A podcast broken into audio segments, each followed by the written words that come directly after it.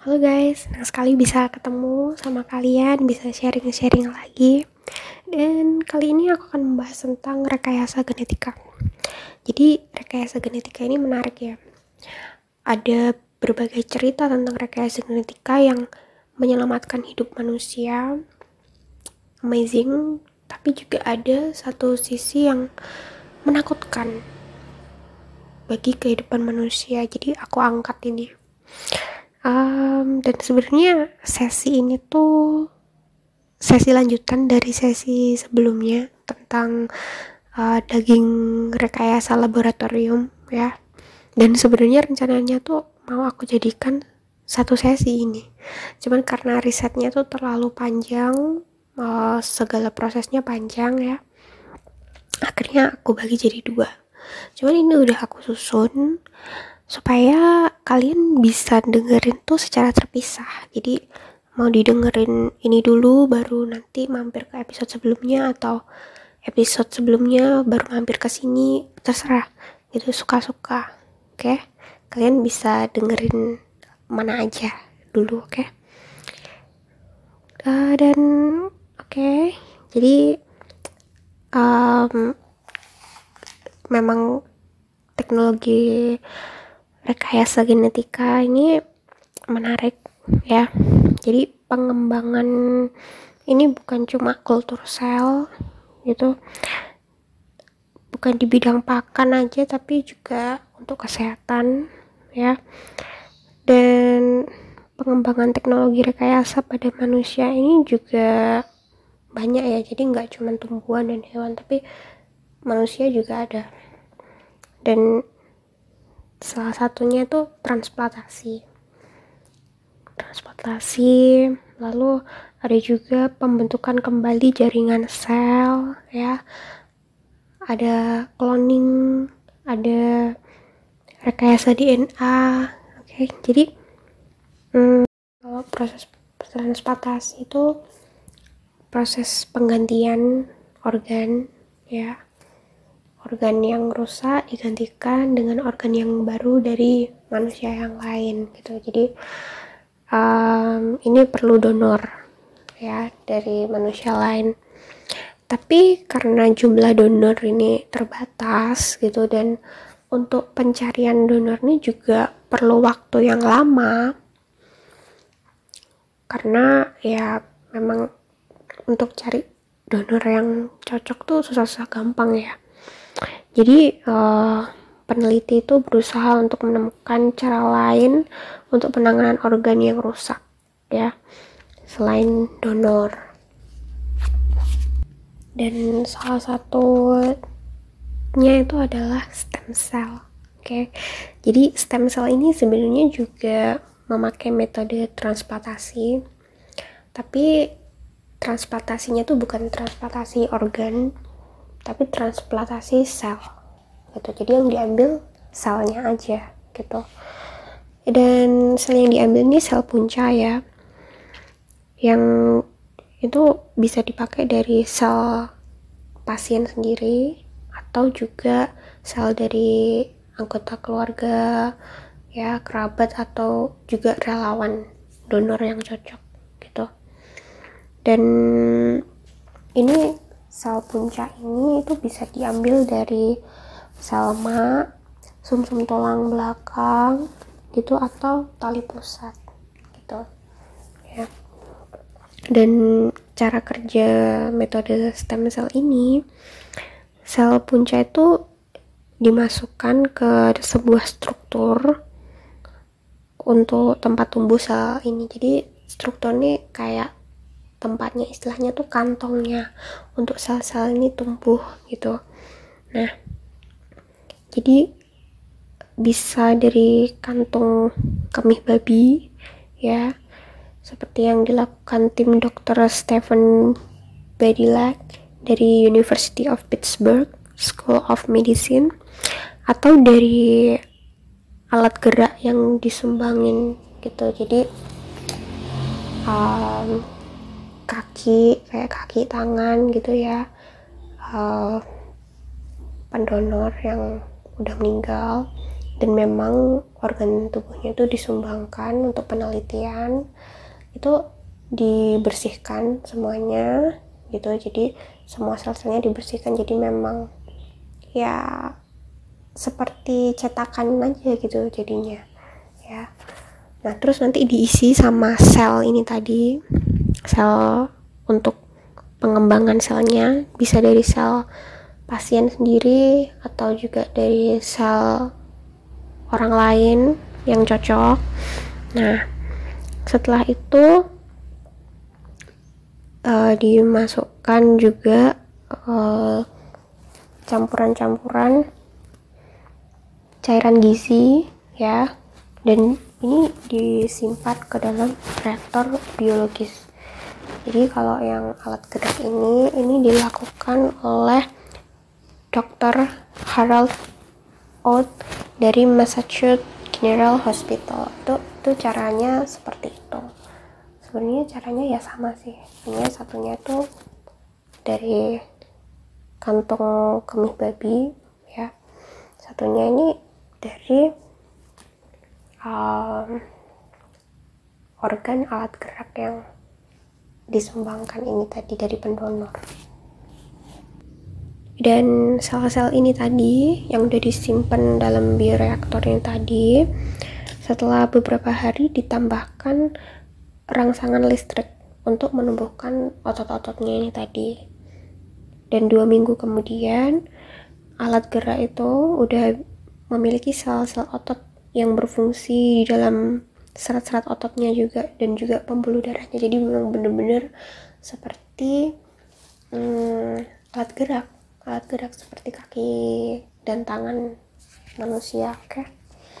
nah dan untuk pembentukan jaringan baru itu dari sebagian jaringan yang rusak ya kayak contohnya tuh misalnya uh, jari jari yang terpotong ada bagian jari yang terpotong. Itu bisa juga jadi dilakukan stem cell dari struktur yang terbuat dari kantung kemih babi tadi yang sebelumnya. Itu ditanamkan ke tempat cederanya. Dan dan nantinya sambil pelan-pelan meluruh ke dalam tubuh itu matrix itu akan melepaskan bahan kimia yang membantu sel-sel punca itu ngerti bahwa mereka tuh harus membentuk diri menjadi jaringan otot gitu. Jadi kalau untuk uh, bagian tubuh yang terpotong gitu ya itu hmm, langsung dari kantong kemih babi tadi dimasukkan sel-sel tadi lalu ditempelkan di bagian tubuhnya tadi lalu diberi uh, pastinya cairan gizi juga ya dan juga rangsangan kimia untuk merangsang ini tadi sel-sel punca tadi supaya mereka menumbuhkan jaringan-jaringan otot yang baru. Um, dan ini menarik sekali ya untuk proses menumbuhkan jaringan baru dari sel pasien sendiri itu. Seperti cara kerja tumbuhnya ekor cicak yang putus ya. Jadi tumbuh baru lagi. Dan stem cell ini bukan cuma dipakai untuk penumbuhan jaringan alat gerak tapi juga untuk pengobatan kanker jantung stroke diabetes luka bakar lever glaukoma ya kebutaan pengapuran sendi tulang hmm, patah tulang Alzheimer, Parkinson, penyakit autoimun. Jadi banyak sekali gitu. Dan memang presentase untuk kesembuhannya itu tinggi dan untuk potensi penolakan tubuh dari jaringan baru itu juga lebih kecil dibanding transplantasi organ gitu ya. Apalagi kalau stem cell ini um, memakai sel punca dari pasien sendiri. Itu pasti resikonya lebih kecil untuk penolakan karena kan dari organnya sendiri. Dan kalau di Indonesia sendiri yang diizinkan itu juga memang stem cell yang dari bahan pasien itu sendiri bahan bakunya gitu. Jadi uh, stem cell itu macam-macam ada stem cell yang dari hewan jadi sel manusia itu ditanamkan ke hewan itu. Ada juga stem cell yang memang diambilnya tuh dari manusia tapi bukan dari pasien itu sendiri seperti donor. Ada yang dari manusia sendiri. Nah kalau di Indonesia yang saat ini diizinkan itu yang dari pasien itu sendiri. Karena tingkat resikonya lebih kecil uh, dan juga untuk resiko menjadi kanker jenis terakoma itu juga lebih kecil. Karena kalau dari selain sel pasien sendiri ya itu untuk menjadi kanker terakoma itu sebesar 20% resikonya.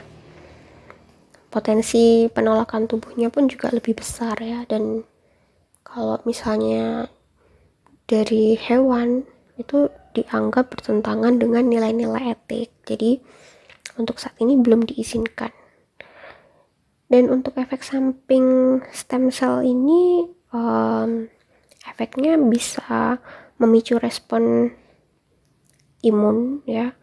Jadi imun tuh menyerang tubuh sendiri karena menganggapnya itu kalau ini tuh benda asing gitu. Kalau nggak cocok begitu. Ya makanya untuk lebih amannya ya stem cell dari sel pasien sendiri.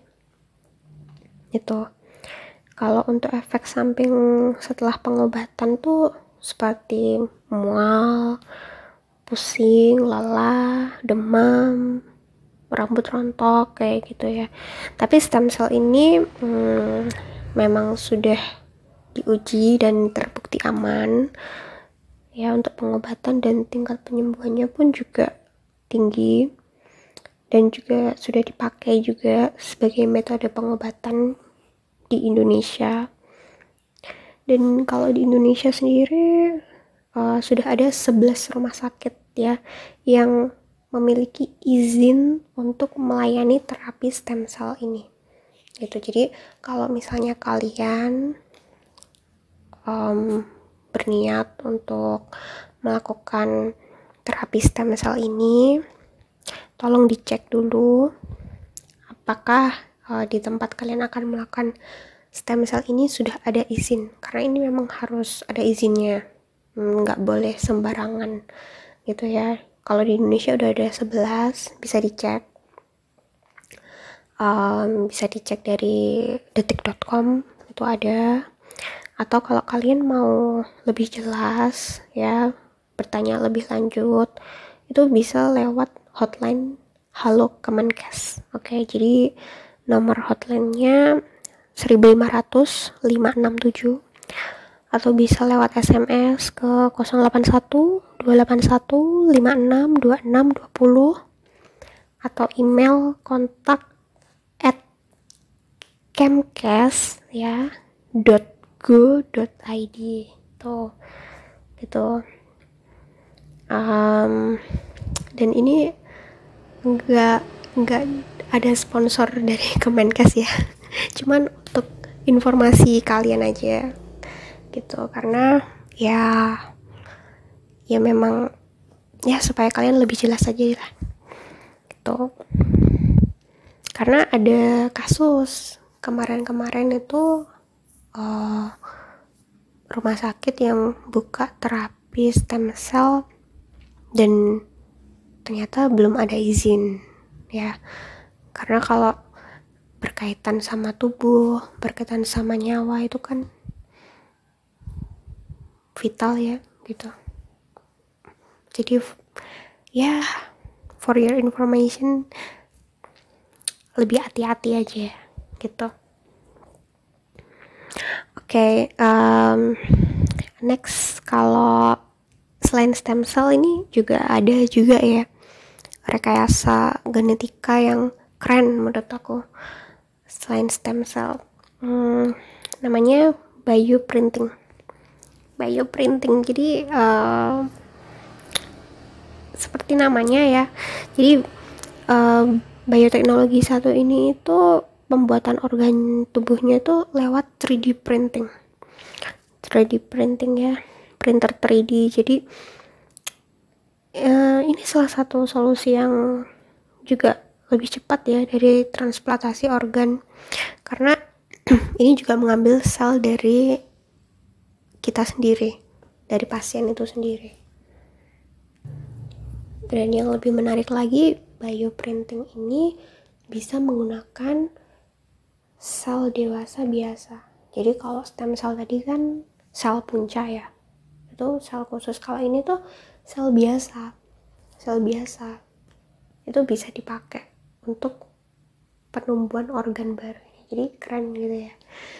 Um, dan penemu bioprinting ini tuh Sinya Yamanaka dan Sir John Gordon gitu. Untuk cara kerja bioprinting ini hmm, untuk pembuatannya desainnya pra bioprinting ini uh, di scan dulu MRI itu kan. Um, kalau apa ya kalau misalnya kayak arsitek tuh dibikin blueprintnya dulu kayak gitu. Nah supaya tepat. Setelah itu ya uh, sama sih um, untuk membuatnya tuh menggunakan mesin 3D inkjet yang udah dimodifikasi untuk menghasilkan jaringan biologis. Ya jadi dan ini perlu tinta juga karena sama sih seperti uh, printer gitu printer 3D jadi untuk tintanya sendiri itu disebut bioink. Uh, bioink ini berasal dari bahan alami berupa gel gitu ya. Hmm, bisa dari kolagen atau fibrin yang dapat diekstruksi melalui nozzle pencetakan dan meniru suspensi yang terletak di antara sel dan ini disebut matrix ekstraseluler gitu. Jadi hmm, sel biopenting ini juga memerlukan rangka ya untuk menahan sel di tempatnya ini gitu. Jadi uh, ibaratnya tuh kayak ada cetakannya juga ada cetakannya supaya ya bisa nahan ini tadi bisa nahan tinta ini supaya organnya tidak berubah bentuk gitu. Dan rangkanya ini ini juga ada yang berbahan seperti plastik gitu. Jadi uh, supaya ini nanti nggak berubah ketika proses implantasi organ-organnya dan kalau bahan ini tuh dipakai oleh peneliti dari Wake Forest School of Medicine. Tuh. Nah nantinya setelah implantasi itu kandungan material yang seperti plastik tadi ini akan berkurang. Dan pas pas pada saat yang sama ya sel-sel plastik ini akan berkurang dan matriks pendukung itu akan membantu mempertahankan bentuk organ buatan tadi. Jadi plastiknya ini akan berkurang dengan sendirinya seiring pembentukan dari organ tersebut. Dan akhirnya jadi mandiri ya terbentuk sendiri. Akhirnya nggak memerlukan bahan pendukung. Setelah itu akan diberikan stimulan kimia uh, kalau ini bisa dengan larutan ionik atau sinar UV ya. Ke bagian-bagian yang dicetak. Terus sampai akhirnya ya menghasilkan struktur struktur jaringan yang stabil. Dan ini disimpan dalam bioreaktor oke? Okay? jadi kalau kak cara kerjanya ya simple simple aja gitu. Jadi di scan MRI dulu terus habis itu uh, diisi ya kan pembuatannya dengan sel dan campuran gel tadi gel bioin tadi. Dan itu ditahan sama rangka. Setelah itu diberi stimulan kimiawi supaya jaringannya tumbuh. Udah. Selesai. Seperti itu. Simple banget kan? Gitu. Dan tapi untuk rangkanya ini ya Koichi Nakayama dari Universitas Saga di Jepang Selatan tuh telah mengembangkan cara untuk membuat jaringan 3D itu tanpa rangka gitu. Jadi ada yang lebih keren lagi nggak pakai rangka. Um, sebagai gantinya rangka um, Koichi Nakayama ini membenturkan lingkaran kecil pada berbagai jarum yang disebut Kenzone gitu. Dan menanamkan tabung dialis yang dibuat hanya dari sel kulit pasien sendiri gitu. Jadi uh, kalau tadi kan bahannya dari semacam plastik ya yang akan meluruh sendiri nantinya. Kalau ini dari sel sel kulitnya pasien sendiri.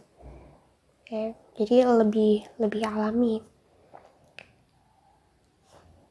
Dan akhirnya rangkanya ini terhapus ya kan? Karena kan dari sel kulit pasien sendiri.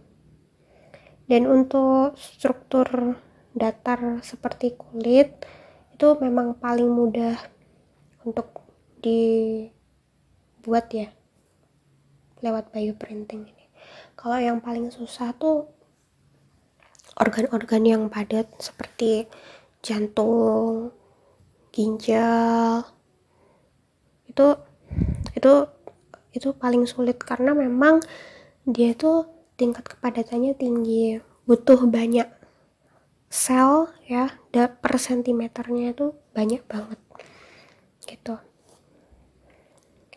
Namun kalau bioprinting ini itu sangat presisi ya dan melampaui tangan manusia. Jadi ya manfaatnya banyak. Ini sangat sangat menolong untuk tenaga untuk waktu ya biaya juga gitu um, selain itu ya bayi printing ini memang bisa menjadi jawaban dari kurangnya jumlah donor organ antara kebutuhan organ yang banyak sama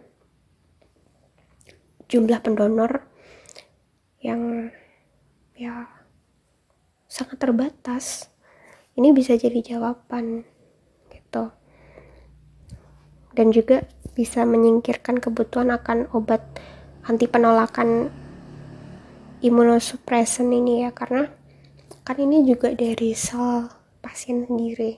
Jadi untuk penolakan jaringan barunya itu lebih kecil.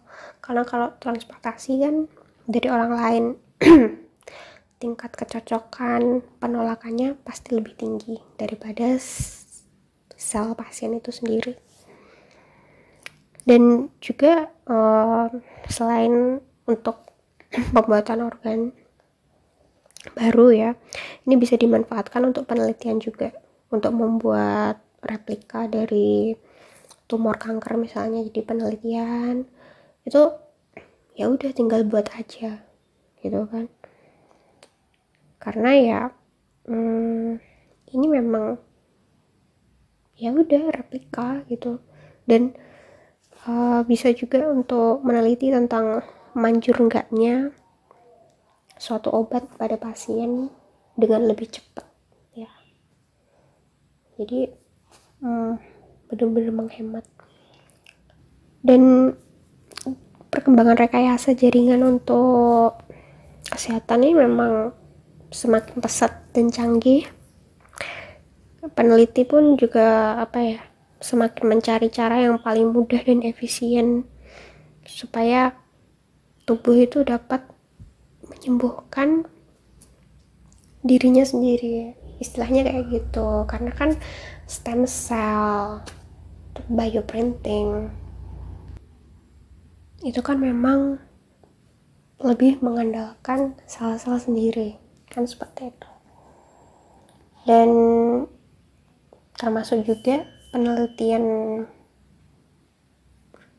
di bidang teknologi rekayasa yang lainnya ya itu rekayasa DNA dan rekayasa DNA ini masih menjadi pro kontra sih sampai sekarang ya. Jadi rekayasa genetika ini uh, proses mengubah susunan genetika dari organisme dan caranya ini menghapus ya menghapus atau memasukkan DNA kayak gitu. Dan penetapan rekayasa DNA ini bukan cuma pada tumbuhan dan hewan tapi juga pada manusia. Dan ini yang menuai pro dan kontra. Karena kan ya DNA manusia direkayasa ya. Ini salah satunya adalah Shadev jadi Shadev ini bayi pertama dari India yang diproduksi untuk menyelamatkan kakaknya bernama Abjad yang menderita talasemia mayor.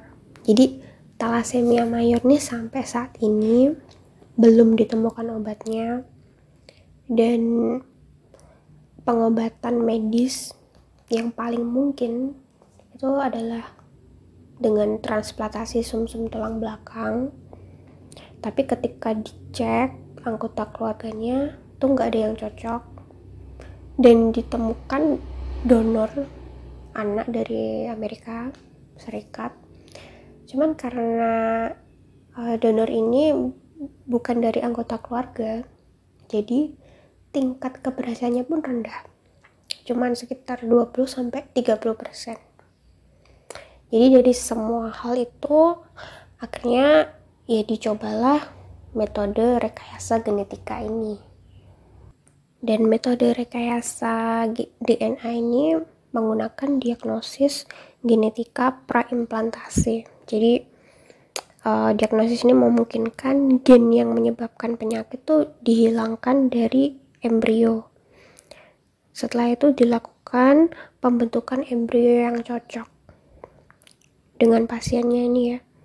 Dan ini memakan waktu 6 bulan.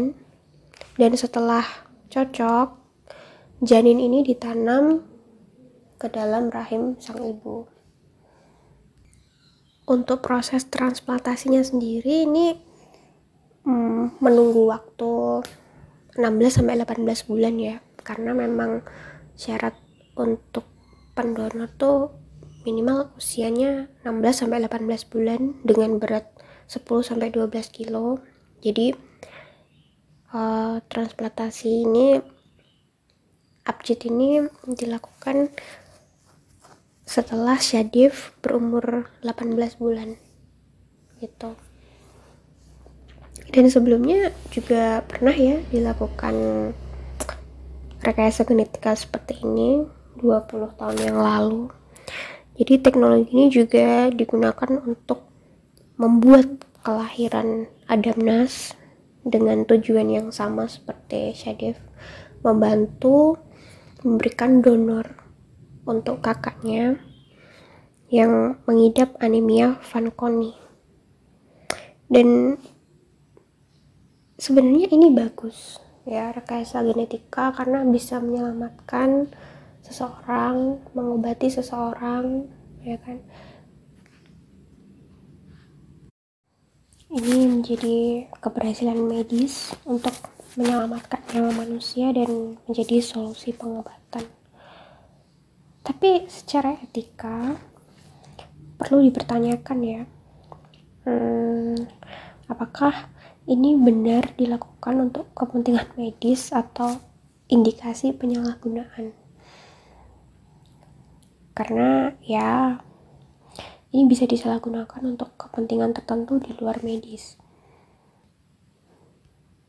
Atau sesuatu yang sebenarnya enggak terlalu mendesak karena kalau rekayasa genetika yang rekayasa genetika yang dilakukan ini memang sebagai pilihan terakhir, jalan terakhir ketika pengobatan medis yang ada itu udah nggak bisa dilakukan.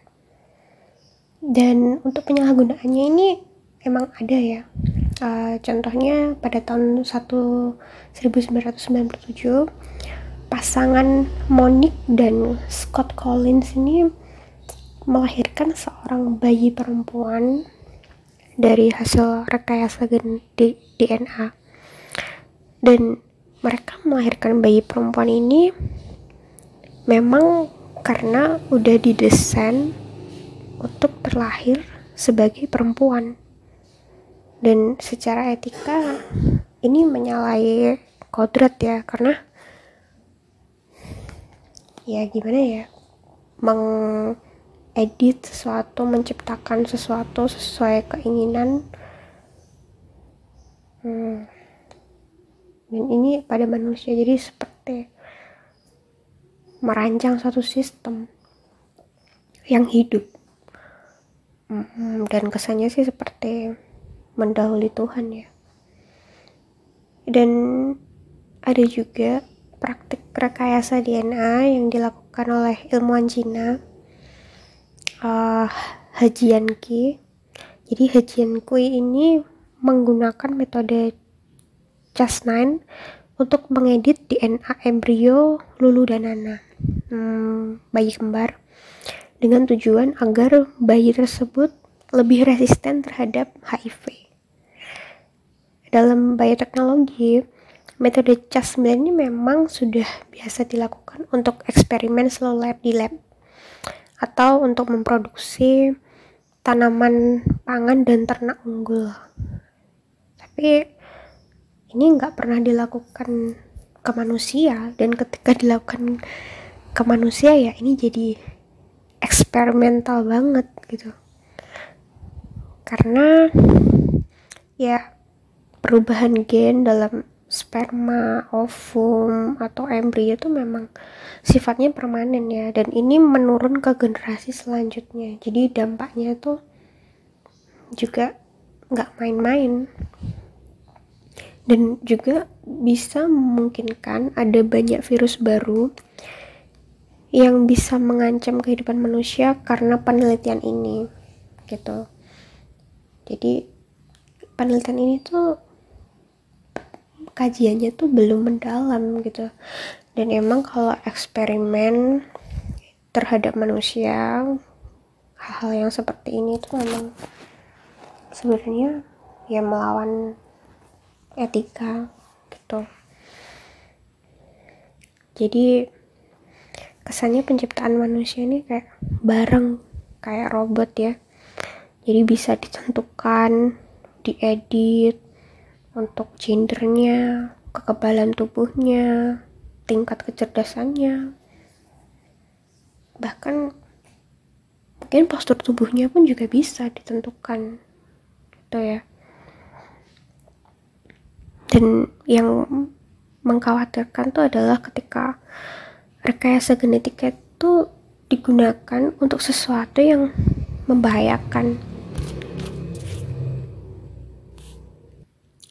Seperti film Gemini Mind ya.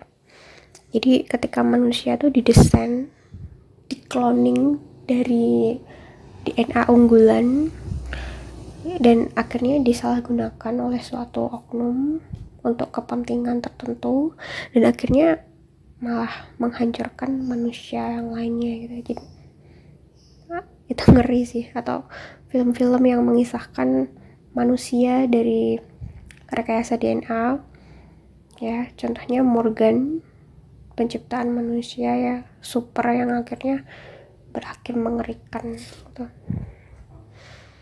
dan ya kalau rekayasa genetika ini memang berpotensi untuk mengubah spesies manusia masa depan ya. Itu berbeda secara biologis dari manusia saat ini. Jadi evolusi manusia nanti dari rekayasa genetika gitu. Hmm ya memprihatinkan sih. Dan terkesan ya seperti manusia itu ingin menjadi Tuhan. Mengedit, memproduksi manusia seperti robot dan itu mengerikan. Dan jangan sampai itu terjadilah ya. Semoga rekayasa DNA yang ada ini benar-benar digunakan untuk kebaikan gitu aja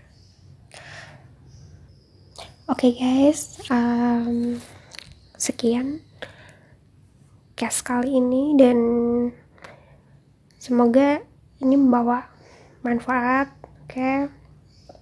Dan kalau misalnya kalian ingin uh, ngasih masukan atau uh, bertanya, diskusi, bisa silahkan um, langsung aja cari di Anchor karena di situ di situ nanti kalian silahkan kirim pesan di situ. Oke, okay, uh, thank you udah dengerin sampai akhir dan sampai jumpa di cast berikutnya. Bye bye.